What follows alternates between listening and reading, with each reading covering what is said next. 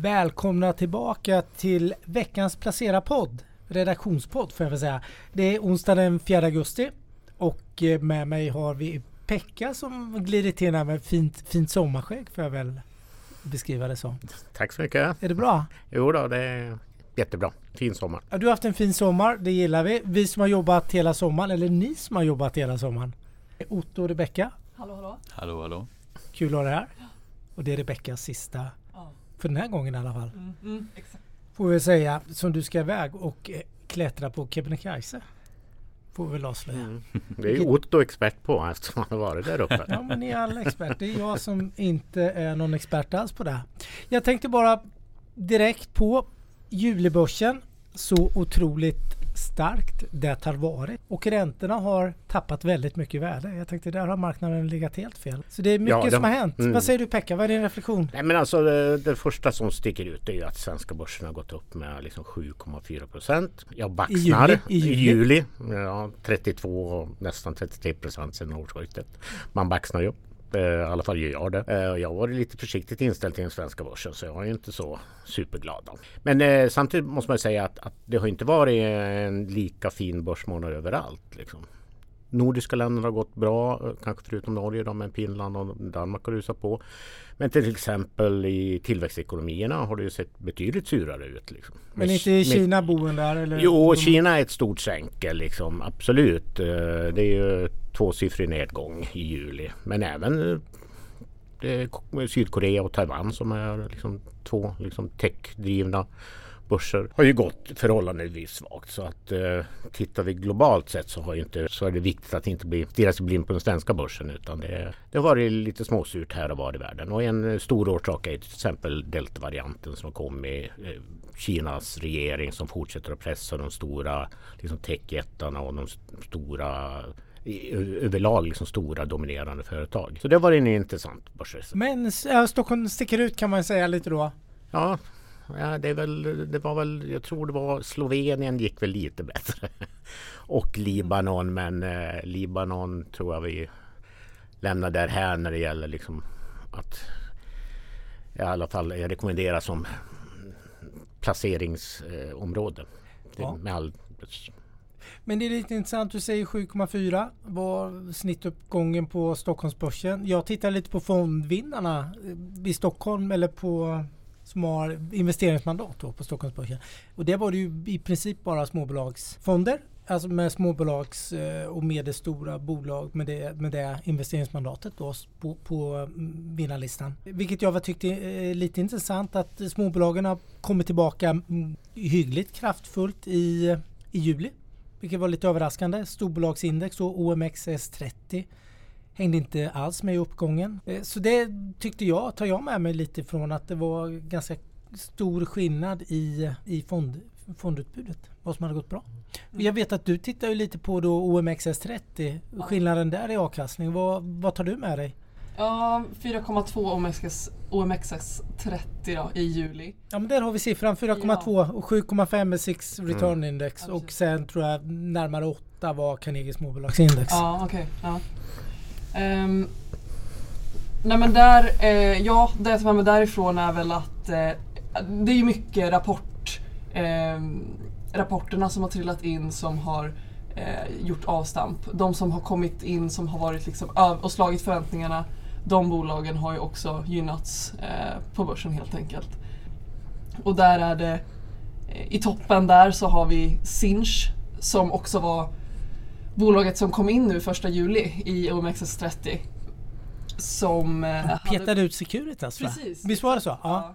Den nya ekonomin mot den lite gamla ekonomin får man väl säga. Ja, Men spännande, vilket, det fick väl en bra som du säger, det var månadens vinnare. ja, det var det. Upp eh, 25, mi- över 25 procent på, för juli. Och en bra rapport i ryggen. Ja, väldigt bra rapport. De hade en omsättningstillväxt för det här eh, kvartalet jämfört med samma kvar- kvartal förra året med en omsättningstillväxt på 130 procent ungefär. Men då är det en del förvärvat. Ja, det är det nog. Precis, Ja, ja, det det. Precis, exakt. Jo, Eh, st- stort förvärv. Vad har du mer för vinnare? Eh, på andra plats så har vi Alfa Laval. Hade en tillväxt på 18 procent eh, för juli. Också där likadant att orderingången var högre än förväntan helt enkelt. På tredje plats så har vi Getinge som också hade väldigt stark rapport. Och hela den, den aktien är uppe i år bara eh, 95 procent. Så ja, där har vi toppen av OMXS30 helt enkelt. Men är du förvånad över de här starka rapporterna Pekka? Det är starka orderingångar som Rebecka hänvisar till här i Atlas Copco-fallet och att det, det är liksom ordrarna väljer ju snarast in. Nej, det är jag inte förvånad. Det här har man kunnat se i olika typer av konjunkturindikatorer att det har liksom rusat på. Liksom. Eh, återhämtningsrekylen om vi ska kalla den så. Det är fortfarande den som dominerar. Sen får vi se inför hösten. Jag pratade med Martin Blomgren igår till exempel och det, det fanns väl lite, lite, lite tveksamhet som heter kring marginalpress under andra halvår. Jag menar komponentbrist, eh, logistikproblem, ja, höga insatsvarupriser. Vi får se hur, hur det landar. Liksom. Att, men som sagt var 33 procents uppgång liksom på de första, årets första liksom, sju månader. Eh, det ska mycket till för att den resan ska fortsätta uppåt. Givetvis. Det är mycket som ska bevisas. Men jag har sagt det förr och haft fel. Så Ja, du, vi har fel för. Ja. Eller hur? Det, vi måste kunna vara ödmjuka. Vad har du på bottenlistan? Vad är det som inte har levt upp till förväntningar? Ser du något mönster där? Längst ner i botten har vi H&M då som eh, ja, men har backat på grund av att under, under månaden har det kommit in fler och fler ja, information om att eh, fler butiker har stängt, fått stänga helt enkelt. Och det är ju som du säger deltavarianten som mm. är runt om i världen. Ökad smittspridning som sätter stopp för ett sånt typ av bolag helt enkelt. Ligger det någon sanning i ryktena att Stefan Persson är på jakt efter att köpa hela bolaget och ta ut det från börsen? Jag bara såg någon som blänkade i tidningen här under sommaren. Oj, det hade jag missat. Det finns ju mycket kapital. Han har, han har tydligen köpt väldigt mycket aktier i alla fall under den här perioden. Det är lite intressant som du säger för det finns ju mycket kapital vid sidlinjen och säkert mycket kapital som kan vara med och finansiera ett sånt utköp ja, ja. om det nu behövs i den vilken nu jag tror inte Stefan behöver betala så hög ränta på sina lån. Mm. Nej, men då kan jag en liten avstickare. Jag läste senast igår faktiskt att det var rekordinflöden till eh, amerikanska startupbolag eh, med teknikfokus. Då är det digitaliseringstema får man väl säga som man har kört väldigt länge. Men det är rekordinflöde. Det väller in kapital uppenbarligen. Och eh, investerarna letar nya investeringar. Det är helt uppenbart. Så, och H&M kanske är en gammal investerare. Men det går att köpa mm. utifrån börsen såklart. Men där har vi förlorarna. Jag, jag, tror även att vi hittade lite Volvo och sånt där om jag inte missminner ja. mig. När jag tittade i din text. De har också backat precis. I år. Ja. Så allt är inte, eller, eller så allt inte vinnare i, i juli. Det, det, är helt uppenbart då att det, det har väl rapport och utfall varit mm. ganska tydligt. Mm tema. Men, det har ju varit bra rapporter. Ja, ja, det överlag. Det överlag. Jag menar på, tittar på S&P 500 så har väl ungefär 80 procent av företagen slagit förväntningar både när det gäller vinster och eh, orderingång. Eller försäljning då. Eh, så att det nu ska vi säga att de brukar slå dem. slå förväntningarna med ganska bred alltså andelen i alla fall företag. Jo. Men eh, men jag tycker det är kanske mest intressant och det är precis som du är inne på att nu söker man sig till liksom småbolag och sådär. Det finns mycket kapital fortfarande vid sidlinjen. Och... Riskbenägenheten har ökat. Ja men precis, det var det. Bra Rebecka. Det är precis det också. Riskviljan är ju här känns det den det är ett tydligt tecken på att den, den kanske ökar också då när man går ner mot de här mindre bolagen och mer riskfyllda investeringarna som fanda eller liksom investera första investeringen i små teknikbolag och, och dylikt. Då. Men jag känner att lite som har eldat på det här är ju marknaden har ju alltid rätt sägs det. Men marknaden har ju varit har ju galet fel tycker jag sista halvåret om den här kraftiga ränteuppgången vi såg i från mitten på februari i mm. amerikanska långräntor. Och därefter några veckor fick techbolag och eh, tillväxtbolagen och Eh, Eh, kollapsa mångt och mycket. Under, under två, tre veckor så var det väldigt stora nedgångar. Och marknaden skrek att nu kommer inflationen, vargen är här och räntorna ska upp. Men eh, det har ju blivit totalt det motsatta. Ja, det, det är väl kanske den stora överraskningen på, på, på finansmarknaden i stort. Eh, inte bara i juli men, men väldigt markant i juli att, att de amerikanska räntorna har fortsatt ner. Trots väldigt höga inflationsutfall, trots att centralbanken, visst de var lite mjukare än väntat på sitt eh, julimöte men det är fortfarande så att man, man, man lutar åt att börja strama åt. Då. jag tror att det är en, en delförklaring. Den, den, den, goda delförklaringen är att väldigt många gick fel i, i att man låg liksom kort amerikanska långräntor och nu tvingas, har tvingats köpa tillbaks. Det är ju det, det är liksom den positiva.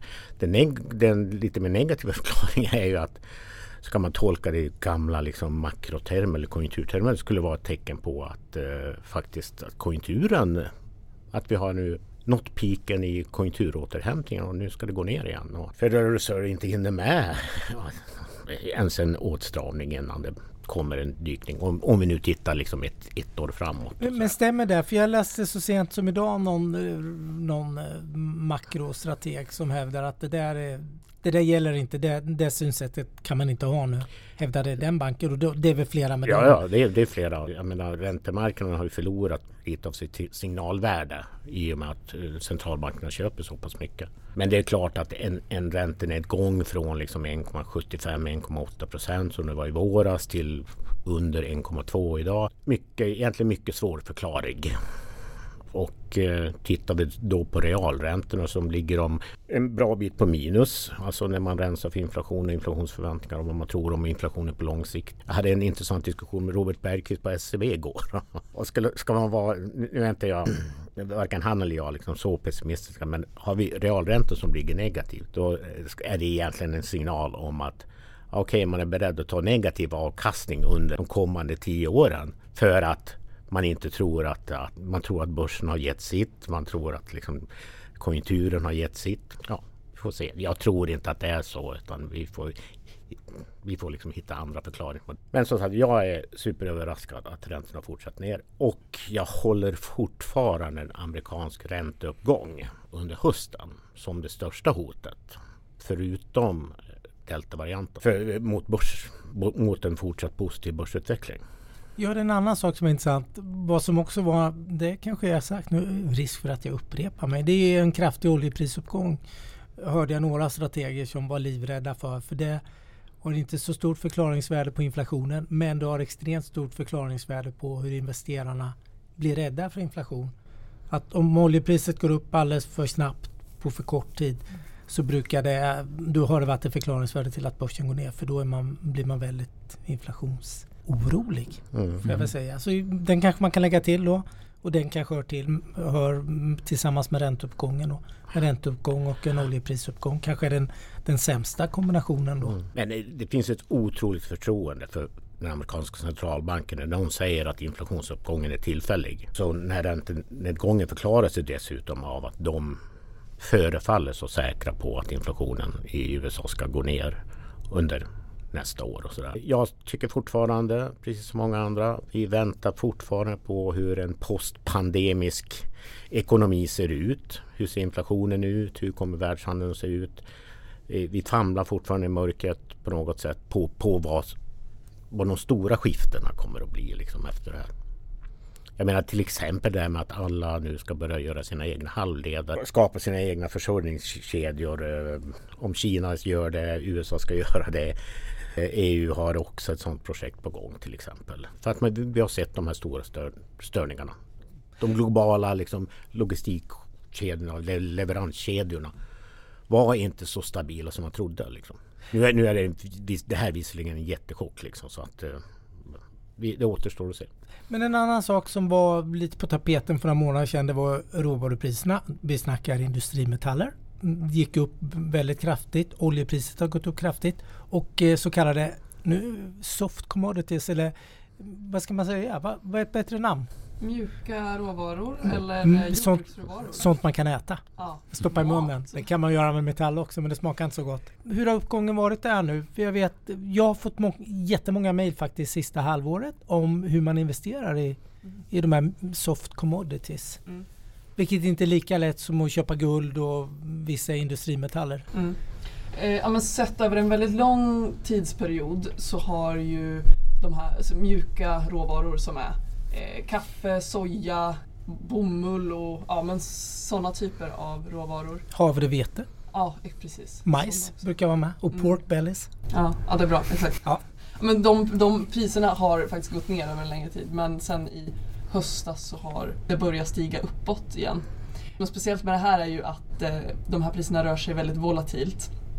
Och eh, ja, ett sätt att eh, då ja, men hedga sig mot liksom, börsrörelser är ju att investera eller vara exponerad mot den här typen av tillgångar helt enkelt. Och det här vill jag också veta lite mer om. Jag pratade med Anna Svan eh, förra veckan som eh, har en hedgefond som investerar en hel del i eh, så kallade mjuka råvaror. Och eh, ja, men jag var lite extra nyfiken på hur man ska tänka när man investerar i mat helt enkelt. Alltså vad Finns det några andra risker än bara volatiliteten där? Ja, lite sammanfattat så kan man väl säga att långsiktigt så styrs priset på de här råvarorna eh, med hjälp av, eller på grund av utbud och efterfrågan. Men eh, en spekulation i de här eh, bidrar till volatiliteten i eh, priserna och det är där man då kan tjäna pengar på helt enkelt.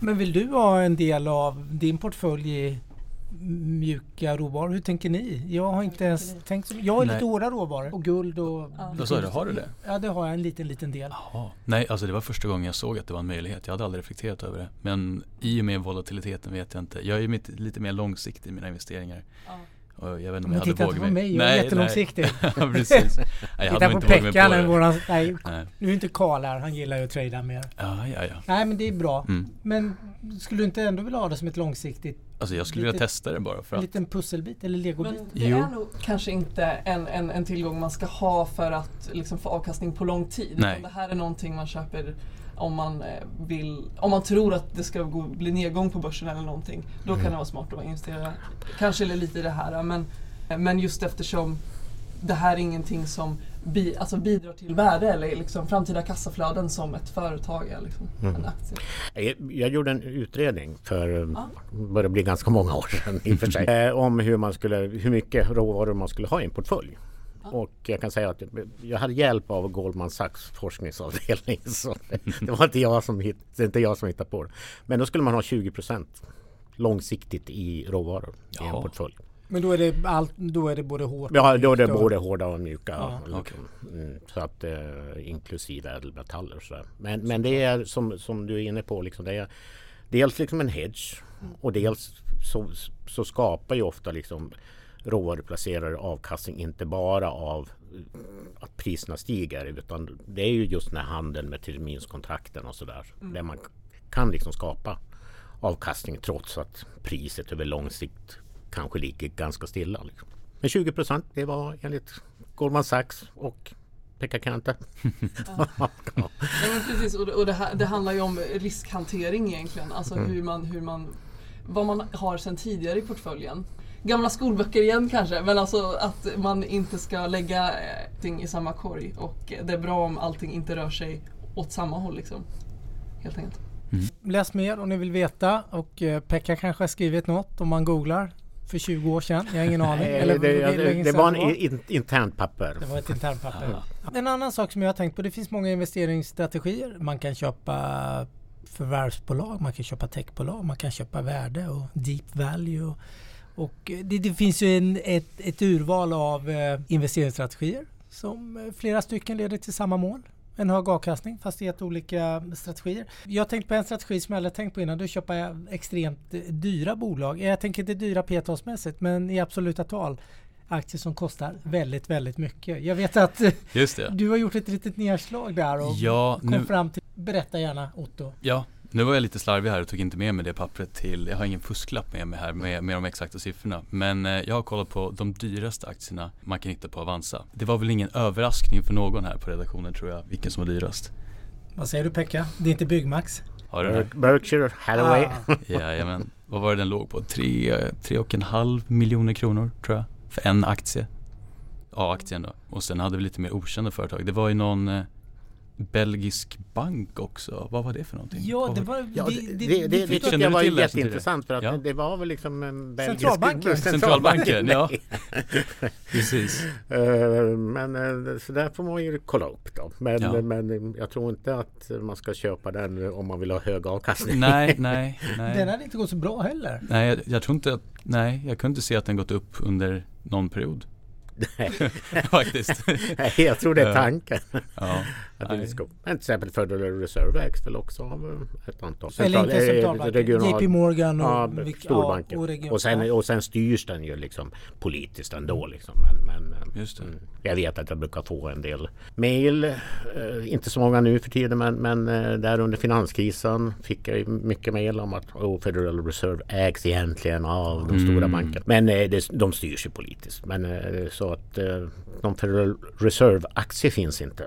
Nej, men det finns belgiska centralbanken kan man då om man vill äga en liten del av, av en centralbank då så rekommenderar vi. Men den var ganska dyr dock. Den var, Alltså eller absolut. ja, jag kommer inte ihåg exakt vad det var för pris nu men det var väl runt 20 000 kronor per aktie eller någonting.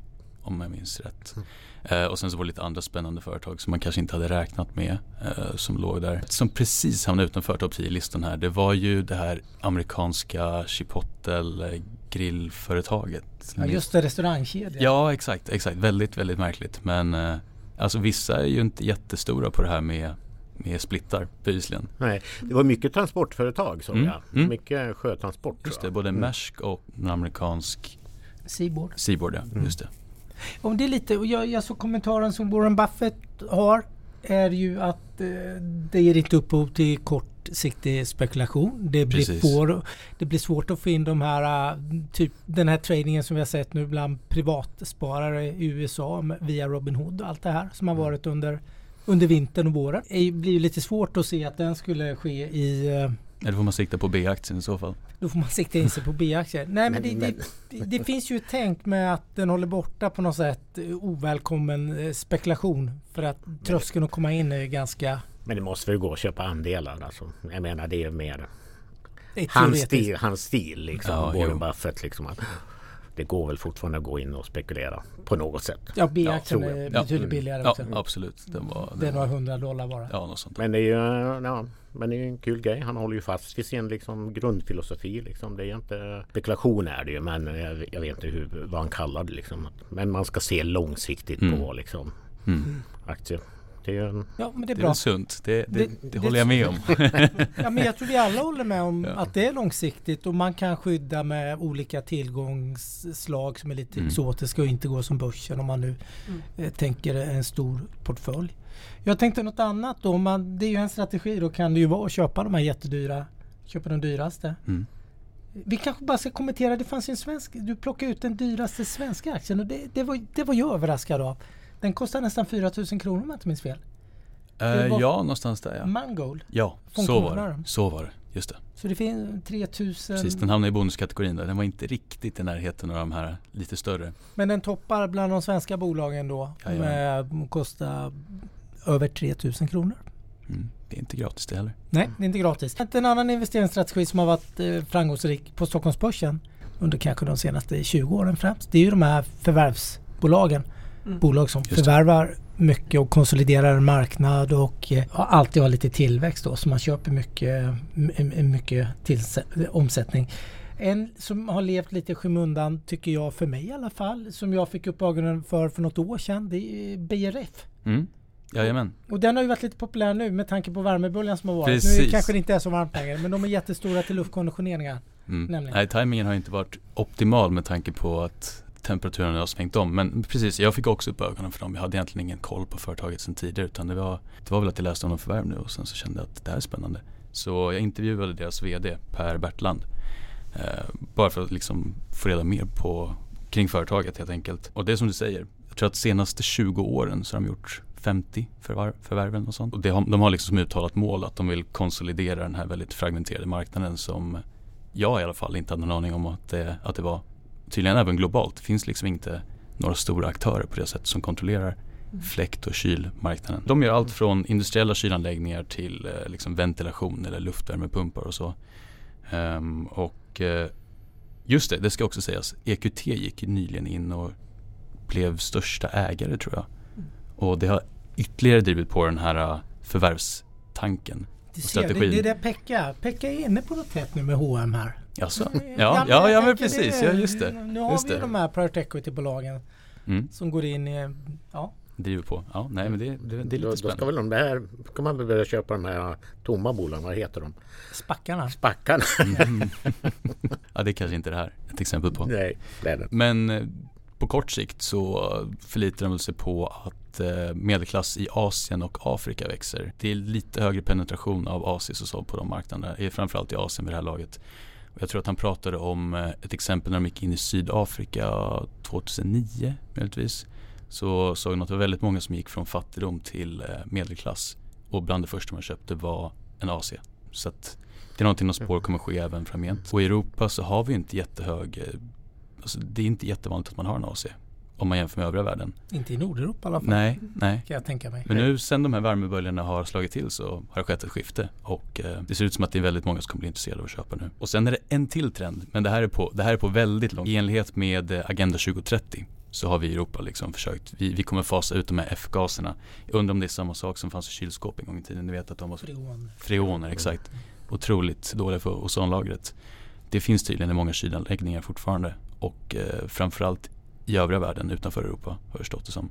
Men till 2030 så ska 80% utav de här freonerna bytas ut nu mot mer miljövänliga alternativ. Och i övriga världen så är det något avtal som ingåtts om att 2050 har man på sig eller något sånt. Så man tänker otroligt långsiktigt. Inte bara i förvärven utan eh, även i tillväxten. Så att man siktar också på att ta sig in på amerikanska marknaden för att man spår att där kommer det ske. Det finns ju väldigt mycket ACs. Det, det har man liksom sett i varenda serie att alla har ju en AC i USA.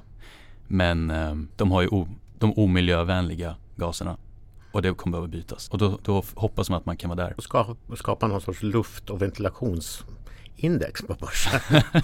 jag, tänker på Systemair till exempel. Och som, precis som du sa, Mm. liksom, att marknaden är väldigt fragmentiserad. Det är ofta, om du har sett ut på till exempel bland Systemairs konkurrenter i Tyskland, så är det mycket familjeföretag och, och sådär. Som man kan fortsätta köpa upp Mm. och bryta sig in på nya.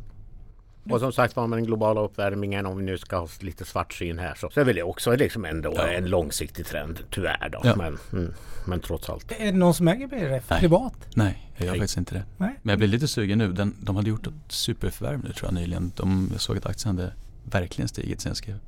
Jag tror inte det har så mycket med min artikel att göra som det kanske har med det här förvärvet i och för sig.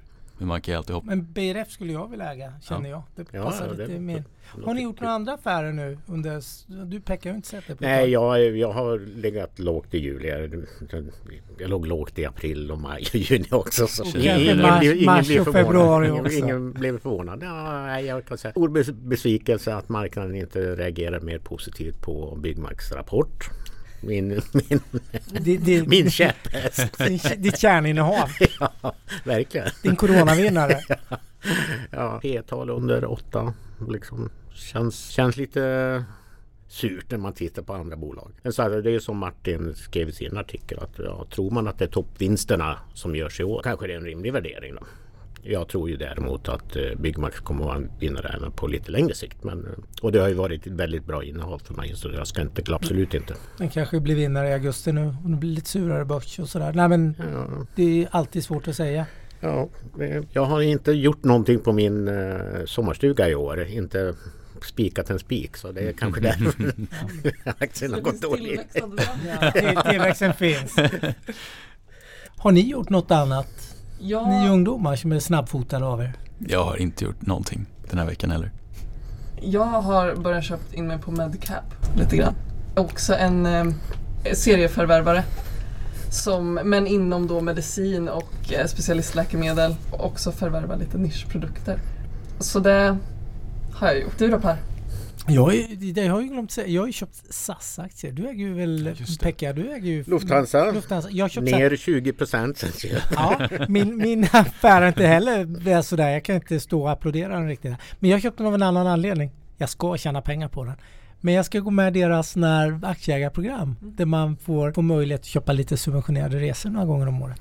Men det tar ett och ett halvt år innan jag får den möjligheten. Så, Okej. så jag är långsiktig. Jag är väldigt Mm. långsiktig. Det är först januari 23 jag får börja. Äger du Skistar också? Ja, det har jag gjort tidigare Det, faktiskt. det fick man väl också någon sorts Ja. bonus om man den, hade den, en aktie?